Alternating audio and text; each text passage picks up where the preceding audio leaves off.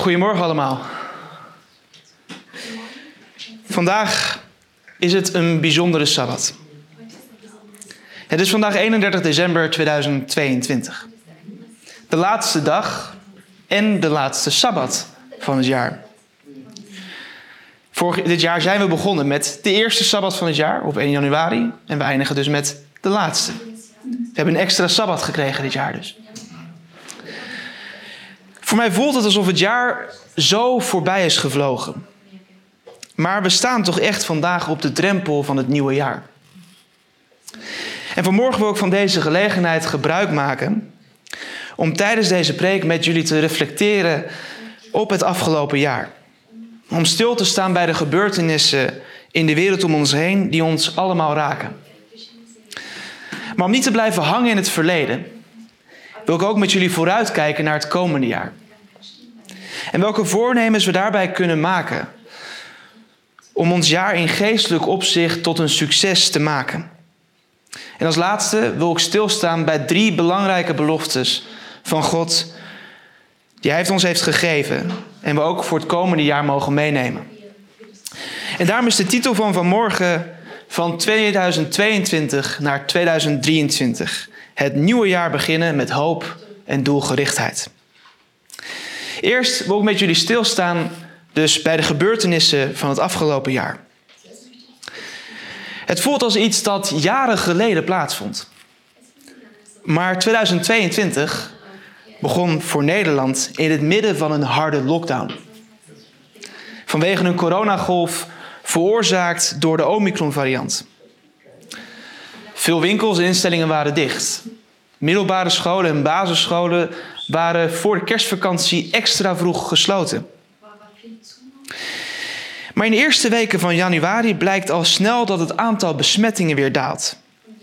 En de eerste versoepelingen worden op 26 januari aangekondigd. Zodat uiteindelijk vanaf 25 februari de hele samenleving vrijwel weer open zal zijn.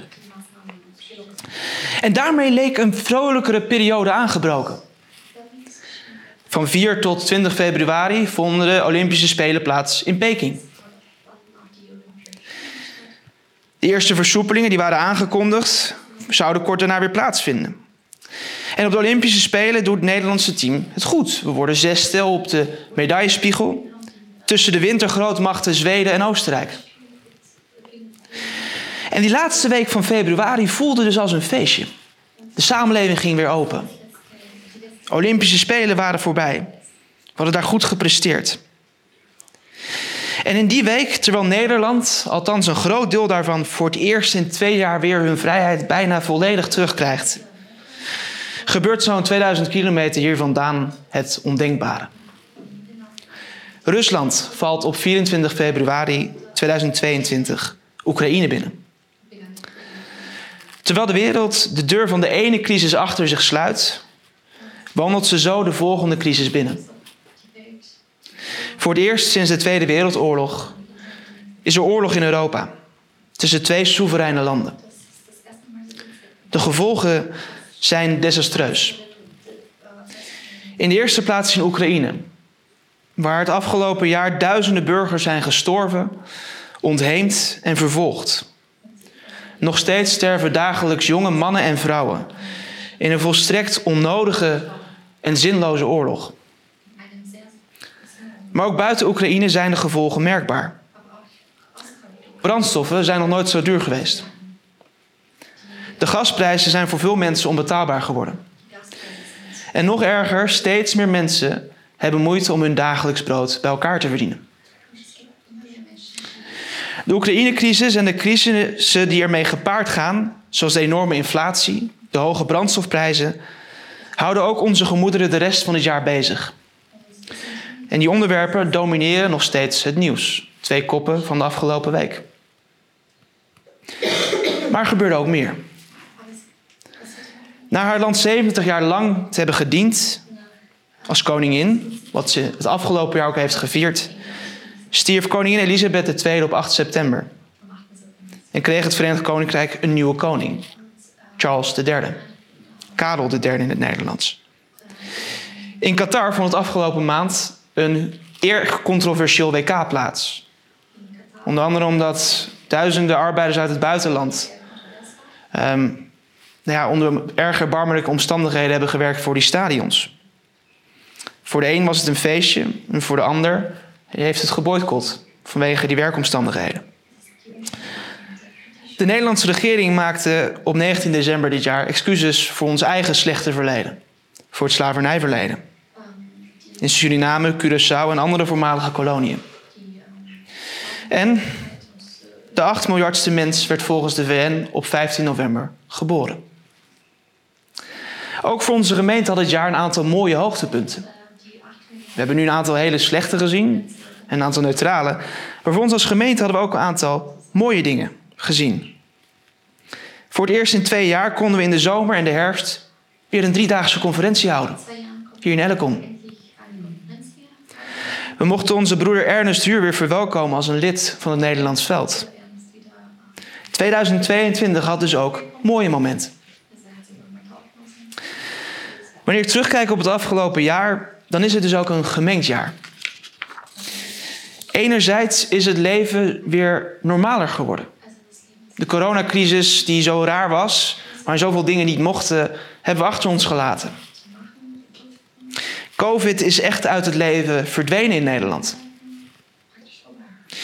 En misschien dat we daardoor de dingen die we moesten missen ook meer zijn gaan waarderen.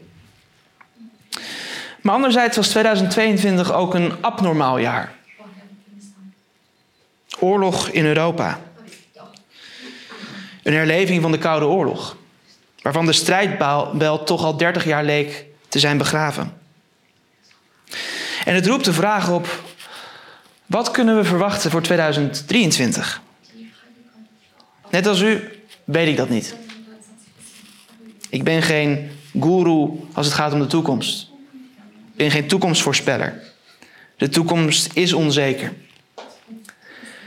Maar voor de rest van deze preek wil ik jullie handvatten aanreiken. Zodat je ondanks deze onzekerheid het komende jaar met hoop en een gericht doel kan beginnen. Ik wil drie christelijke voornemens voor het komende jaar en daarna drie belangrijke beloften uit de Bijbel met jullie bespreken. Eerst bespreek ik de drie voornemens voor het komend jaar. Dat zijn investeer in relatie met God, bekommer je om je medemens en voed je persoonlijke groei. Ik begin met de eerste. Investeer in je relatie met God. In mijn terugblik op het afgelopen jaar noemde ik al dat dit jaar vol onzekerheden zat. En dat geldt ook voor de toekomst. De inflatiecrisis lijkt nog niet voorbij. De gasprijzen lijken te gaan dalen, maar wie weet of het tijdelijk is. Niemand weet waar de toekomst ons brengt. Gelukkig staat de Bijbel vol met verhalen van mannen en vrouwen die ook door tijden van moeilijkheden en onzekerheden gingen. En de mate van succes waarmee de personen in de Bijbel die uitdagingen overwonnen, lijkt daarmee steeds te worden bepaald door één en dezelfde factor: hun relatie met God. Een van de mooiste voorbeelden vind ik Daniel. Als jonge man werd Daniel weggeleid van het land van zijn vaderen naar een vreemd heidens land. De toekomst van de jonge prins was onzeker. In zijn vaderland heerste er chaos en crisis. Maar Daniel koos ervoor om God te dienen, waar de voorzienigheid hem ook zou brengen. En door zijn trouw had God een vertegenwoordiger bij de machtigste heerser die op dat moment in de wereld was. God had een profeet aan wie zijn gezichten konden worden toevertrouwd. Gezichten die de toekomst van de hele wereld laten zien. Profetieën die we vandaag de dag nog steeds nodig hebben. Van cruciaal belang zijn voor Gods gemeente op aarde. Wat was Daniels sleutel tot succes? Zijn ijzersterke relatie met God. Wanneer je het boek van Daniel leest, springt dat ook van de pagina's af. We lezen in het boek hoe Daniel een gewoonte maakte van zijn dagelijks gebed. En weigerde om met die gewoonte te doorbreken. Zelfs als daar de doodstraf op stond. Hij bad niet alleen dagelijks, maar ook ernstig wanneer het leven voor hem op dat moment radeloos was geworden. Wanneer hij niet meer zelf wist. Bijvoorbeeld toen de koning alle wijzen wilde vermoorden, omdat een aantal charlatans hem had bedrogen. We lezen er ook in dat Daniel actief studeerde uit het woord van God. Misschien wel de meest treffende beschrijving van Daniels relatie met God is die in Daniel hoofdstuk 9. Dat hoofdstuk begint met ons te vertellen dat Daniel de profetie van Jeremia aan het bestuderen was. Over hoe lang de ballingschap zou duren. Want die 70 jaar die Jeremia had voorzegd, die zouden op dat moment voor Daniel bijna voorbij zijn. Hij verwachtte ernaar. Hij keek er naar uit. Maar hij had ook een profetie gegeven, kort daarvoor, gekregen van God. Over de 23 van de avond en morgens, waarna het heiligdom in rechten zou worden hersteld of gereinigd. En omdat Daniel die profetie uit hoofdstuk 8 niet goed begreep, overviel hem de angst dat God de 70 jaar zou hebben verlengd met 2300 jaar. Wat doet Daniel? Twijfelt hij? Gaat hij morren? Ik richtte mijn gezicht tot de Heere God om Hem te zoeken in gebed en met smeekbeden, met vasten en in zak en as. Daniel wist dat de tijd was gekomen voor zijn volk om bevrijd te worden van de ballingschap.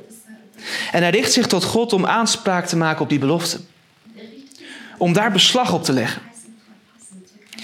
Niet met een aanmatigende houding, maar een houding van bidden en smeken. In plaats van te morren of te twijfelen, valt Daniel op zijn knieën. En ik wil een paar zinnen uit het gebed met jullie delen. Hij bad, och Heere, grote en ontzagwekkende God, die zich houdt aan het verbond en de goede tierenheid ten aanzien van hen die hem liefhebben en zijn geboden in acht nemen. Wij hebben gezondigd. Wij hebben onrecht gedaan. Wij hebben goddeloos gehandeld. Wij zijn in opstand gekomen door af te wijken van uw geboden en bepalingen. Nu dan, onze God, luister naar het gebed van uw dienaar en naar zijn smeekbeden. Doe omwille van de Heer uw aangezicht lichten over uw heiligdom dat verwoest is. Het gebed van Daniel is er één van iemand die God kent. Iemand die een vriend is van God. Die God zijn vriend heeft gemaakt, maar tegelijkertijd ontzag heeft voor God, voor de majesteit en de heerlijkheid van de Schepper. Iemand die zich bewust is van zijn eigen onwaardigheid, maar ook bewust is van zijn waarde die hij heeft in de ogen van God. Wil jij voor het komende jaar net zo standvastig zijn als Daniel? Wat er ook op je pad komt, trouw zijn aan de Heer. Investeer dan in je relatie met God op een manier zoals Daniel gedaan heeft. Hoe? Maak van je dagelijks gebed in eerste plaats een essentiële gewoonte. Een gewoonte waar je geen compromissen op mag maken. Een gewoonte waar je dagelijks de tijd voor moet nemen, zoals Daniel dat deed. Maak God een onderdeel van jouw dagelijks leven door het gebed. Neem ook net als Daniel de tijd voor de studie van Gods woord. God openbaart immers zijn karakter en zijn wil voor ons door het geschreven woord van de Bijbel. De woorden van de Bijbel zijn als levend water. En zoals we geen dag kunnen zonder drinkwater, zo kan ons geestelijk leven geen dag zonder dit levende water. De derde stap om zo'n relatie te hebben met God als Daniel is overgave. We kunnen urenlang bidden en studeren uit Gods woord. We kunnen de Bijbel van kaft tot kaft kennen. Maar als we niet bereid zijn om onszelf over te geven aan Gods wil, dan is het tamelijk vruchteloos.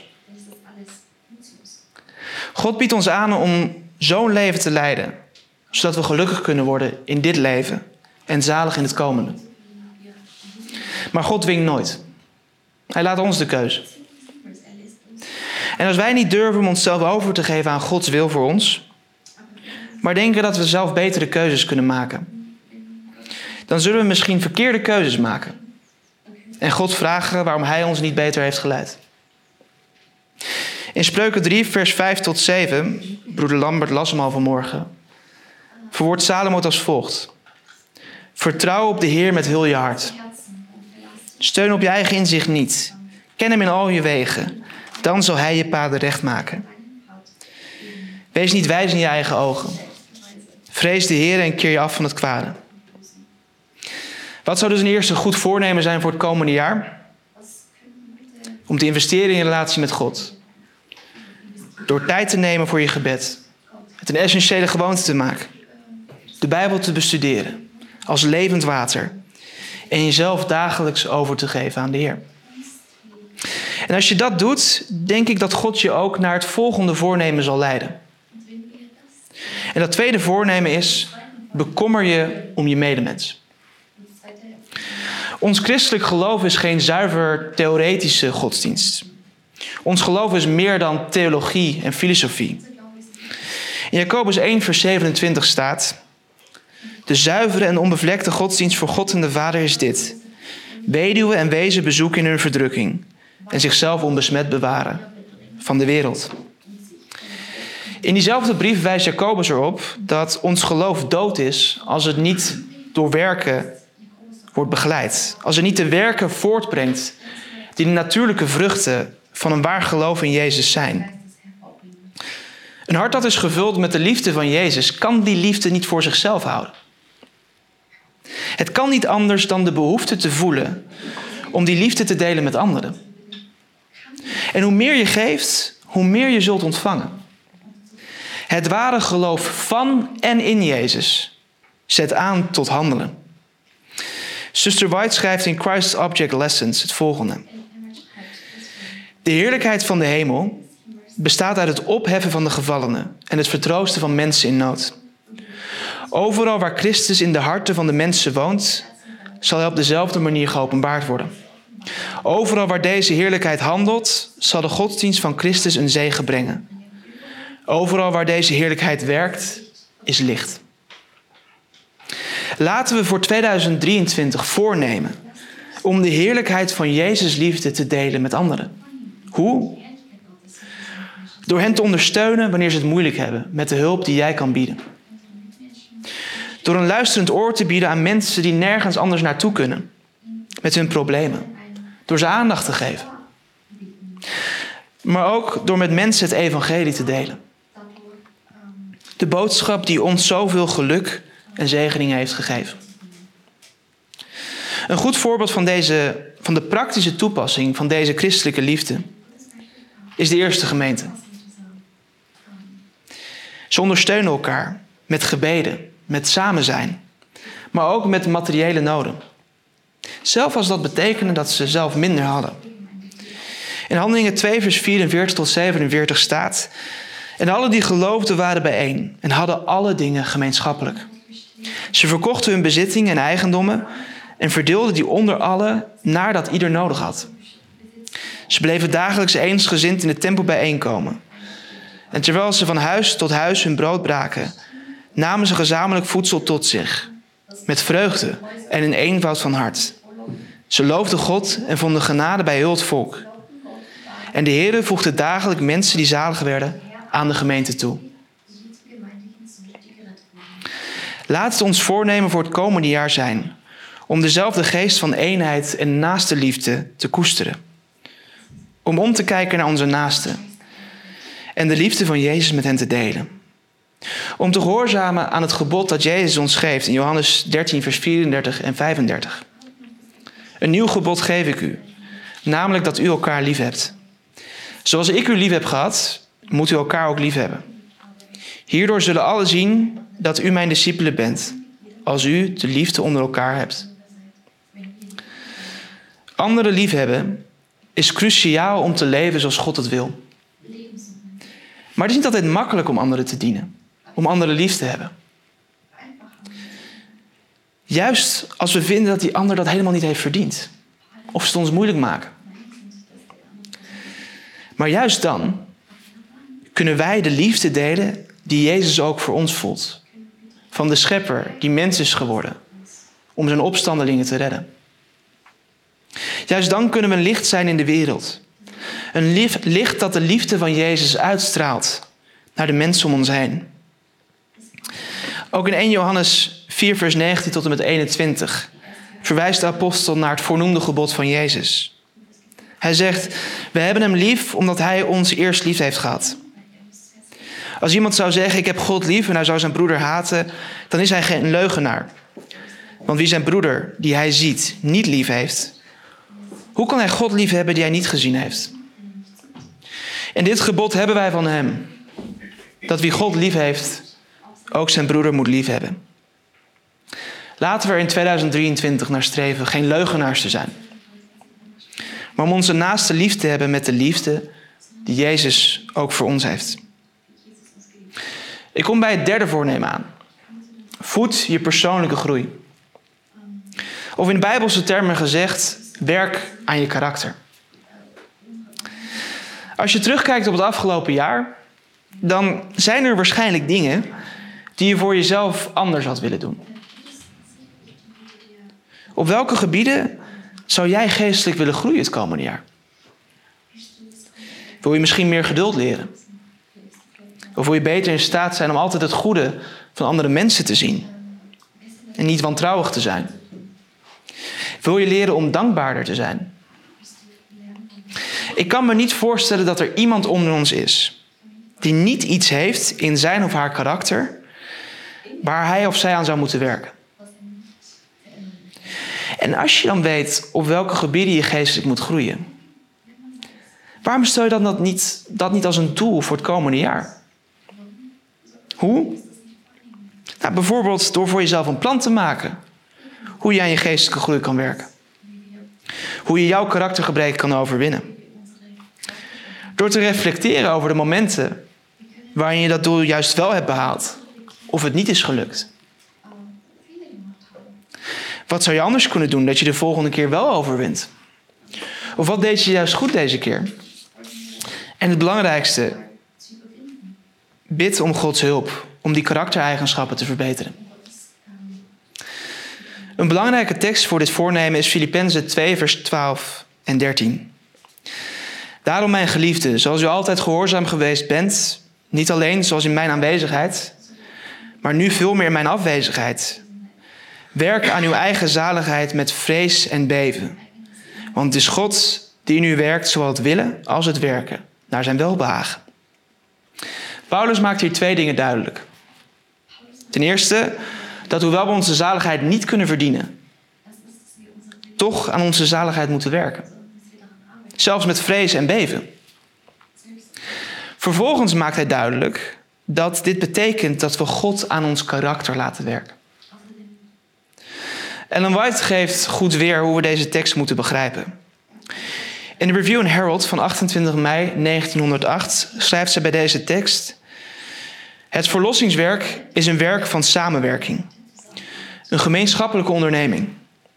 Geen mens kan zijn eigen verlossing tot stand brengen zonder de hulp van de Heilige Geest. De samenwerking van goddelijke en menselijke krachten is noodzakelijk voor de vorming van juiste principes in het karakter. De mens moet zich tot het uiterste inspannen om de verleider te overwinnen. Om de natuurlijke hartstochten te onderwerpen. Maar hij is volledig afhankelijk van God voor het succes in het werk van het overwinningen van de neigingen die niet in harmonie zijn met de juiste beginselen. Succes hangt volledig af van gewillige gehoorzaamheid aan de wil en de weg van God. Hij vervult de voorwaarden waarop onze verlossing rust. Maar wij moeten ons deel doen door de zegen in geloof te aanvaarden. God werkt en de mens werkt. Weerstand tegen verleiding moet van de mens komen, die zijn kracht uit God moet putten.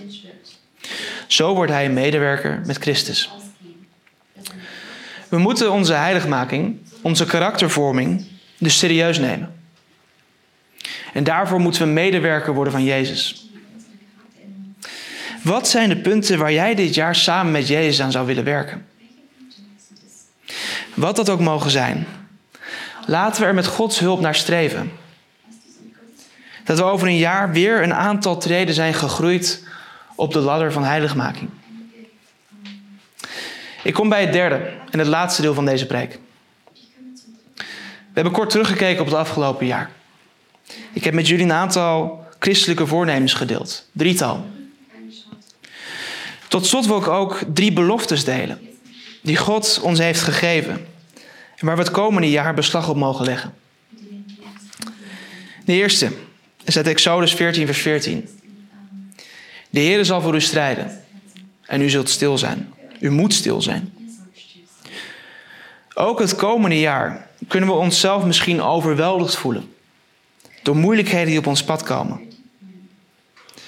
Wanneer de storm in jouw leven opsteekt, de chaos van de wereld zich roert, kijk dan op naar jouw heiland, die iedere storm kan laten zwijgen. Geef je moeilijkheden over in Gods handen. Laat God voor jou strijden.